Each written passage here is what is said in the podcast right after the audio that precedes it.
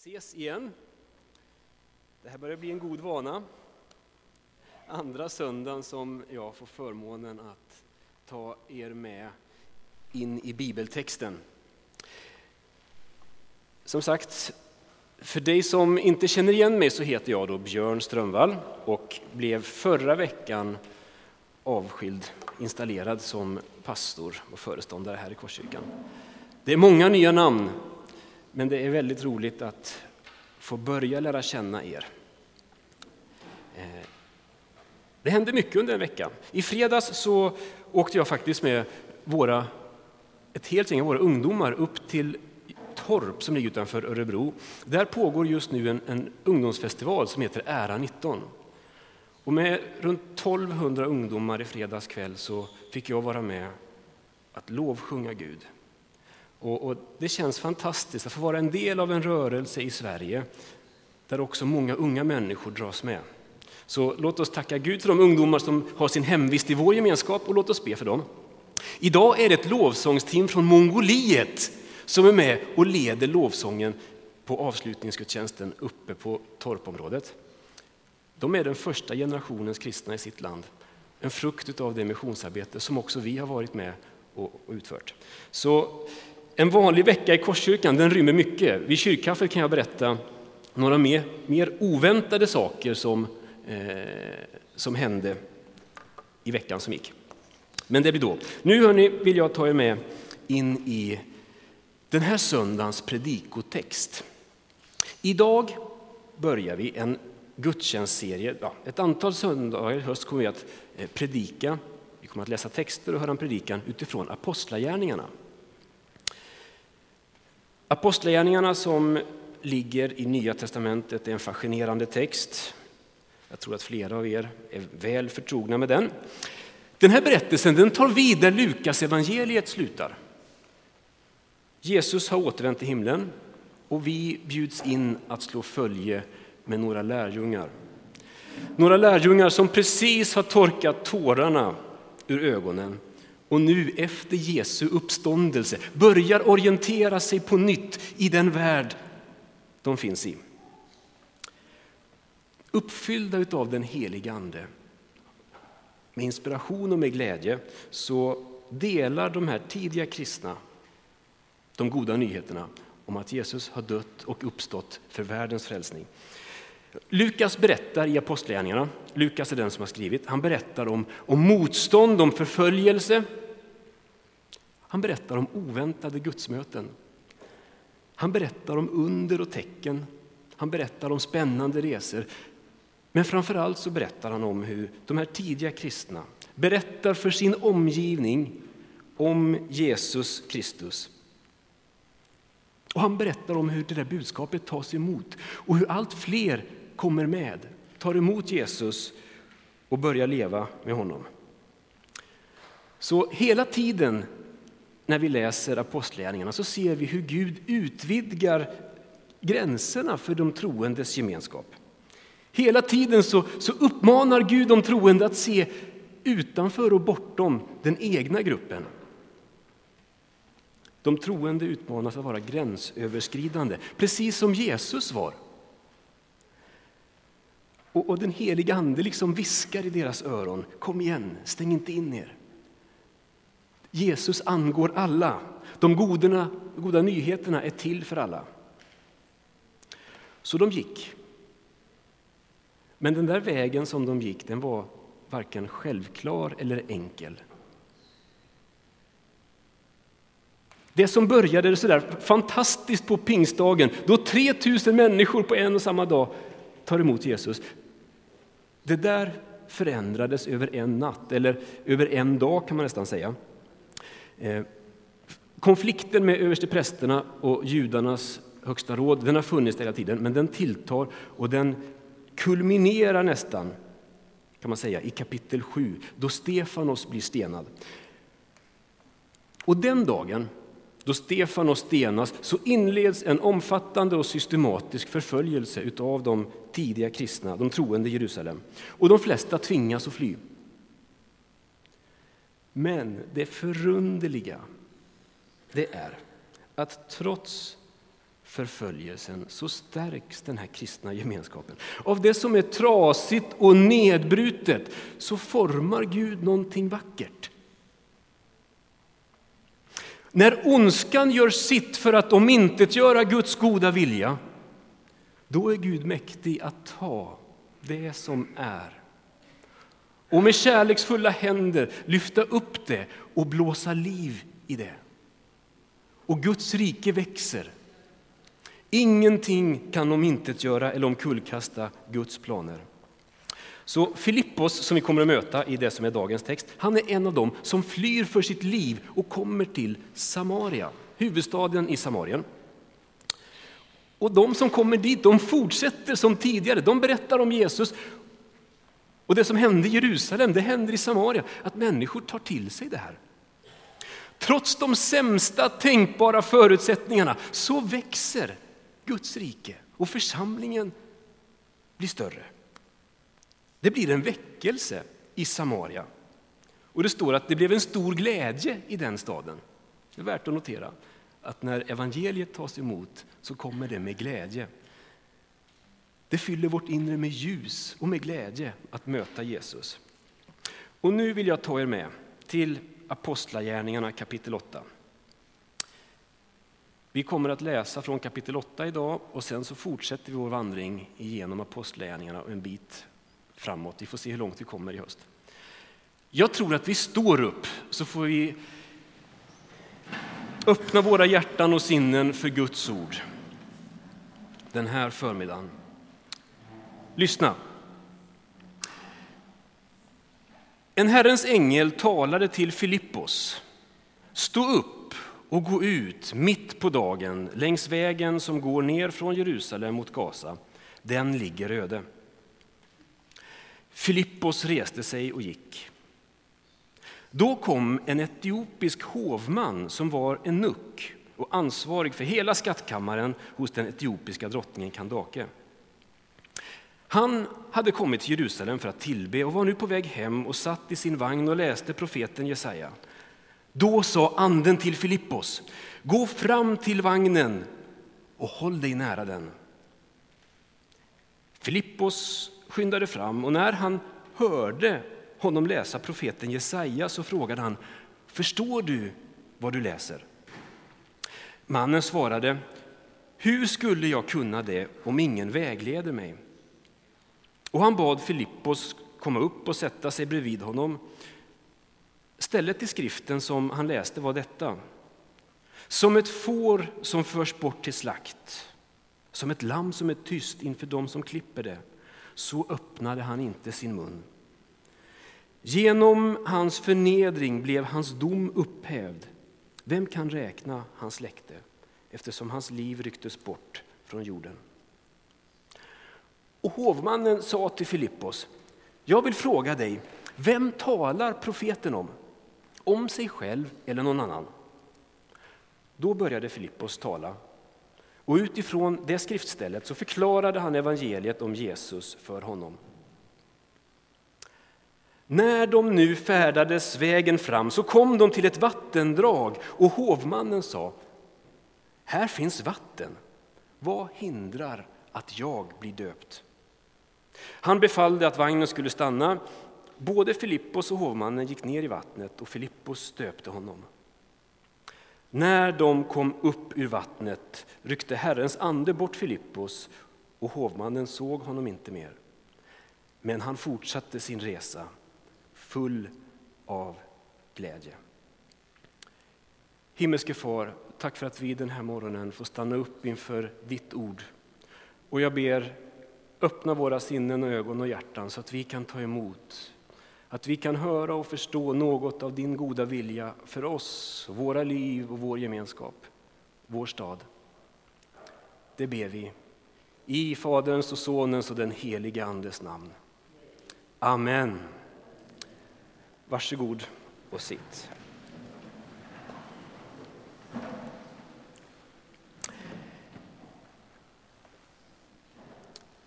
Det här är berättelsen som jag vill ta med in i den här morgonen. Och vi ska läsa den ur två perspektiv. Jag vill att vi följer med och lägger märke till den här berättelsen utifrån den etiopiske mannens perspektiv och sen att vi gör samma resa men utifrån Filippos perspektiv. Så, så följ med. Vi, vi ger oss ut på den här resan. Vem var den där Etiopien som Filippos mötte? Han är afrikan, han kommer från Etiopien. Han är mörkhyad. På den tiden som det här utspelade sig så uppfattade man mörkhyade personer som spännande och fascinerande. Eh, den här mannen är ruskigt rik. Det kan vi förstå. Han har sin egen bokrulle. På den tiden så var det inte vem som helst som gick runt med en bokrulle. Det är en, ett värdefullt, dyrbart objekt. Han har en egen kopia av profeten Jesajas text och bok. Han har sin egen vagn. Och senare så får vi också veta att han arbetar som eh, ja, vid hovet, den etiopiske drottningens hov och har ansvar för hela skattkammaren. Kan du se det där framför dig, hur den här mannen far fram i sin vagn? Ofta har jag tänkt att det går i hög fart. Det är liksom bokrullen i ena handen, tummarna i den andra.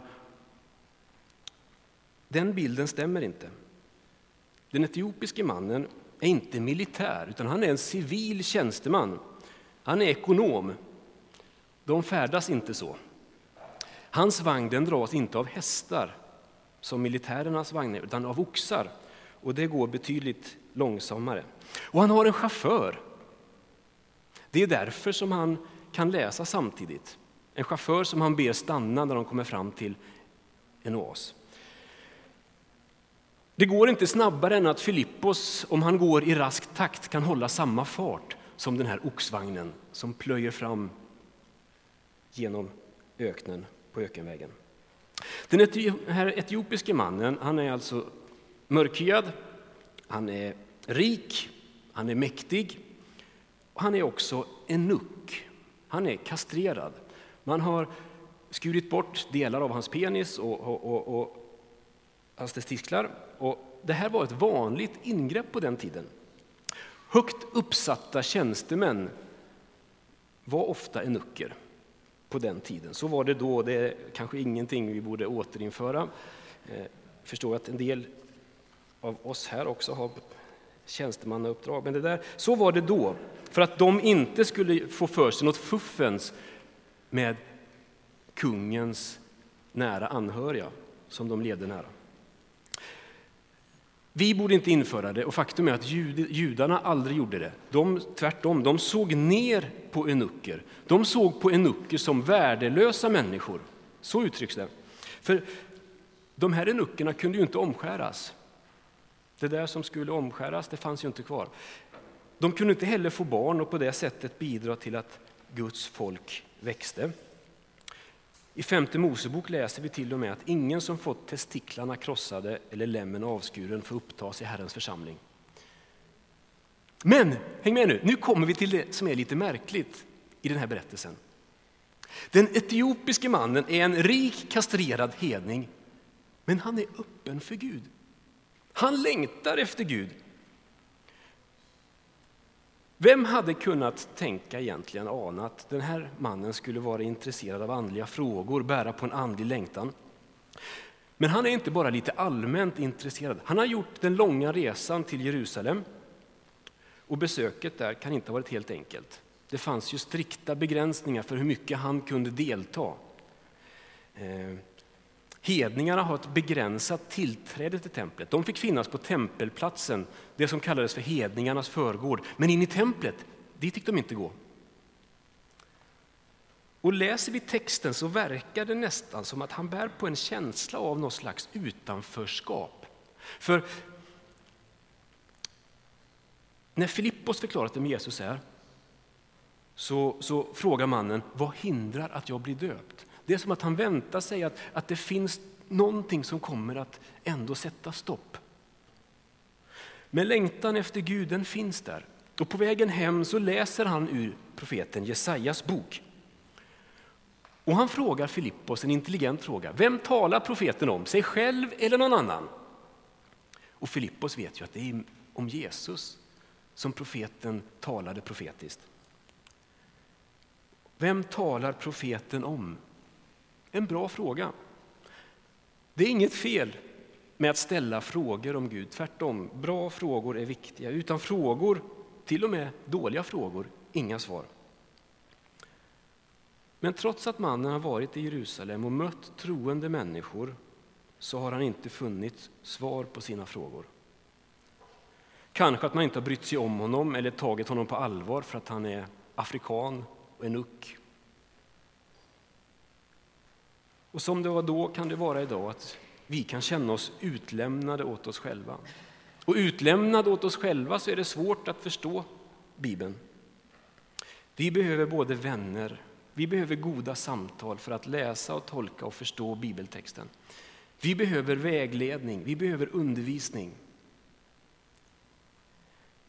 Med utgångspunkt i profeten Jesaja så förklarar Filippos budskapet om Jesus. Om hans död, uppståndelse. Han förklarar vad de här goda nyheterna betyder för oss. Hur Gud älskar hela världen och sänder sin son, inte för att döma utan för att rädda. För att förvandla, för att hjälpa, för att trösta, för att lyfta upp. Och, och när Filippos förklarar för mannen vad Jesus har gjort och vill göra så, så landar orden i hans hjärta och han är, lyssna, han är både ödmjuk och järv nog att gensvara på det han hör. Han förstår att dopet det hör till det kristna livet och när de plötsligt kommer fram till den här oasen så låter han döpa sig. Och så fortsätter han sin resa jublande glad. Han kom med frågor och han fortsätter uppfylld av glädje. Även idag så finns det människor som mitt i sitt materiella överflöd bär på en längtan efter något mer. Efter Gud, efter ett liv med Gud. Man kanske inte sätter ord på det på det sättet, men det finns där hos oss alla en längtan efter Gud, för vi är skapta för att leva i gemenskap med himmelens och jordens Gud. Mitt i ett överflöd finns det människor som söker efter en djupare andlig dimension, efter mening, efter riktning, efter gemenskap. Mitt i livet så finns törsten. Det tragiska det är att många människor går runt törstiga trots att källan finns alldeles i närheten. Det finns flera kyrkor också i en stad som Norrköping. Men det finns människor som i sin vildaste fantasi inte kan koppla ihop att deras längtan och kyrkan kan ha något ihop. Och en, man kopplar inte heller ihop att Jesus har något med deras liv att göra. Trots att det finns kristna och kyrkor så har man inte funnit Jesus och därför söker man vidare på egen hand. Nu känner inte jag er, jag vet inte vem du är. Kanske att du har kommit hit och du känner dig själv som en etiopisk hovenuck. Eh, då ska du veta att det är verkligen inget fel att ställa frågor. Du ska också veta att Gud har omsorg om dig och han sänder människor i din väg för att du ska hitta hem, hitta hem till Gud. Och idag så får vi faktiskt tänka att vi har kommit som till en oas. Vi kommer att fira Herrens måltid om en stund. Och då kan du få stanna din vagn och du kan få våga steget och komma fram och ta emot av det Gud vill ge. Jesus vill möta dig i brödet och vinet. Han vill mätta din själ, han vill fylla dig med Guds godhet. Hos Jesus finns förlåtelse, inte fördömelse. Hos Jesus finns det livet vi alla törstar och längtar efter. Några ord om den etiopiska hovmannen.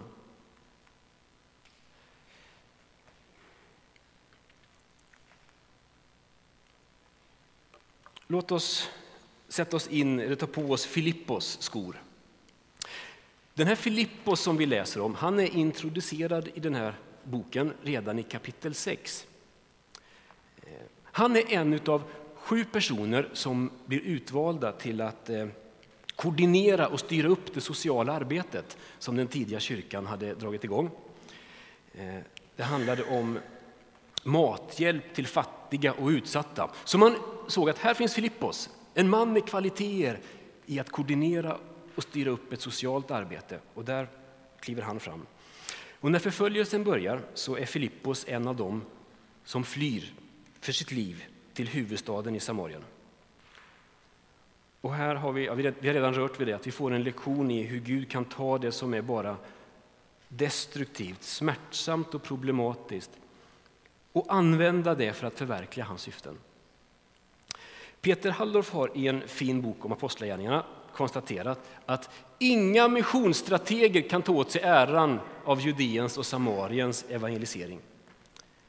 Den är inte resultatet av planer uppgjorda i församlingens missionsråd. Det är bra att planera och strukturera, men kyrkans framgång beror inte på dess excellens i att organisera, utan i att Gud är med och leder och tar också det som kan bli fel till att låta hans rike ta form. Trots de sämsta tänkbara förutsättningarna så växer församlingen. Det blir väckelse i Samaria. Men så läser vi de oväntade orden att mitt i allt det där fantastiska som sker så kommer en ängel från Gud och säger Gå nu vid middagstid ut på vägen som leder från Jerusalem ner till Gaza. Den ligger öde. Det här är ju en tvärkontrast. Vad konstigt. Lämna den pågående väckelsen, ta ökenvägen mot Gaza mitt på dagen när det är som varmast, den ligger öde.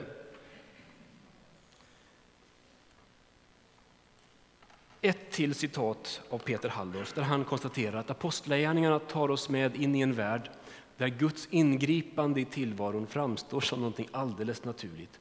Gud talar och agendan den kastas om. Och Filippos han är inte så uppslukad av allt det som han står i att han inte kan uppfatta Guds tilltal. Han är öppen och lyhörd. Han är också en man som gensvarar på tilltal när Gud talar. Så när det står att Gud säger stå upp och gå, då står det också att Filippos reste sig och gick. Det står ingenting om hur länge han fick gå. Det kanske tog en stund, ensam på den där vägen. Men efter ett tag så får han syn på en, en schysst vagn med afrikaner. Och då kommer ju nästa tilltal, då anden viskar i hans hjärta. Gå fram till vagnen och håll dig intill den, håll dig nära den. På avstånd så måste ju Filippos tänkt att det där är annorlunda människor. Det är en märklig man i den här vagnen. Men när han kommer närmare så kan han inte tro sina öron. Det är ju hebreiska, mitt språk. Hallå, det är ju från, det är ju från profeten Jesaja han läser. Filippos måste haft svårt att få öron och ögon att gå ihop. Men när han går där bredvid vagnen så inser han att han har mer gemensamt med den där mannen i vagnen än vad han någonsin hade kunnat tänka sig på avstånd. Och han ställer en fråga. Förstår du vad du läser? Och det blir till inledningen på ett samtal. För mannen bjuder upp honom att sätta sig bredvid honom i vagnen.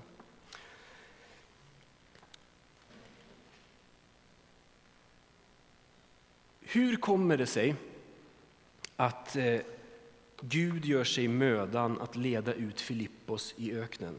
Hade det inte varit enklare att sända en ängel? Varför gör sig Gud den mödan, det besväret? Det står inget svar i texten, men, men jag tänker att kan det vara så att evangeliet, de goda nyheterna om Jesus, inte först och främst är tänkt att spridas med traktater eller reklamkampanjer utan genom att människor möts och i goda samtal. Inte ens änglar tycks duga. Gud sänder Filippos. Visst finns det många goda sätt att presentera Jesus. Både Jesus själv och Paulus talade till stora skaror och det har sitt värde också idag, tänker jag. Böcker och tidningar, tv, filmer kan vara till stor hjälp. Men i Apostlagärningarna så ser vi att i den tidiga kyrkan så bars budskapet av alla. Inte bara apostlarna. Filippos var ingen apostel, ingen evangelist. Han var en diakon, en praktisk man som var duktig på att styra upp ett socialt arbete. Visst, vissa av oss har av Gud fått gåvan och kallelsen att vara evangelister, att hjälpa andra till livet med Jesus. Och vi behöver er. Vi behöver er mer än någonsin. Men det är inte bara ni som behövs. Gud kallar på hela sin församling att på olika sätt vara med och hjälpa andra in i gemenskap med Jesus och till församlingsgemenskap. Och när man läser Apostlagärningarna så är det som att bilden tonar fram att vår Gud är fylld av glädje och någon heliga upptåg där han inbjuder, Jesus inbjuder dem som vill följa honom att ta djärva steg också mot dem som vi kanske tänker står långt borta från Gud. Vem går du bredvid? Vi kan tycka att vår granne eller arbetskamrat är en riktig hovenuck. Men när vi kommer nära varandra, då händer det ofta att vi inser att vi har mer gemensamt än vad vi kunde ana. Likt Filippos så behöver vi lära oss att inte räkna bort någon, för Jesus angår alla.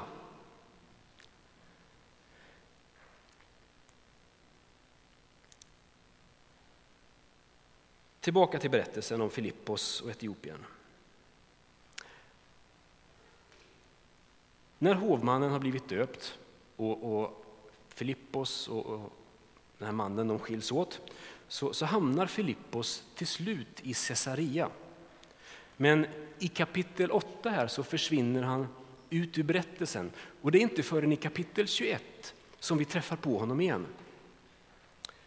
Då har det gått 20 år. Han är kvar i Caesarea. Han har slagit sig ner där, han har bildat familj, han har fått fyra döttrar som alla är aktivt troende. Och, och, vi förstår att i ett mer stillsamt sammanhang så lever Filippos ett gott liv med Gud. Han lever inte bara i det förflutna, i hur underbart det var då han mötte etiopier ute i öknen. Nej, han har gått vidare. Och han lever öppen för Gud, oavsett om det gäller att ta oväntade steg och gå överraskande vägar. Eller om det handlar om att stanna på samma plats i 20 år. Och jag tänker att på många sätt så är Filippos ett föredöme för oss, en förebild. Han är öppen för Gud, för Guds ledning. Han är modig, han vågar ta steg när möjligheter ges. Och han är beredd att berätta om Jesus. Min bön är att vi som enskilda och som gemenskap skulle våga ta steg i tro och lita på att Gud går med. Goda samtal kan öppna upp sig på de mest oväntade platserna. I din närhet också. Samtal om tro, om livet, om Gud. Och där det sker kommer också en oväntad glädje att bubbla fram.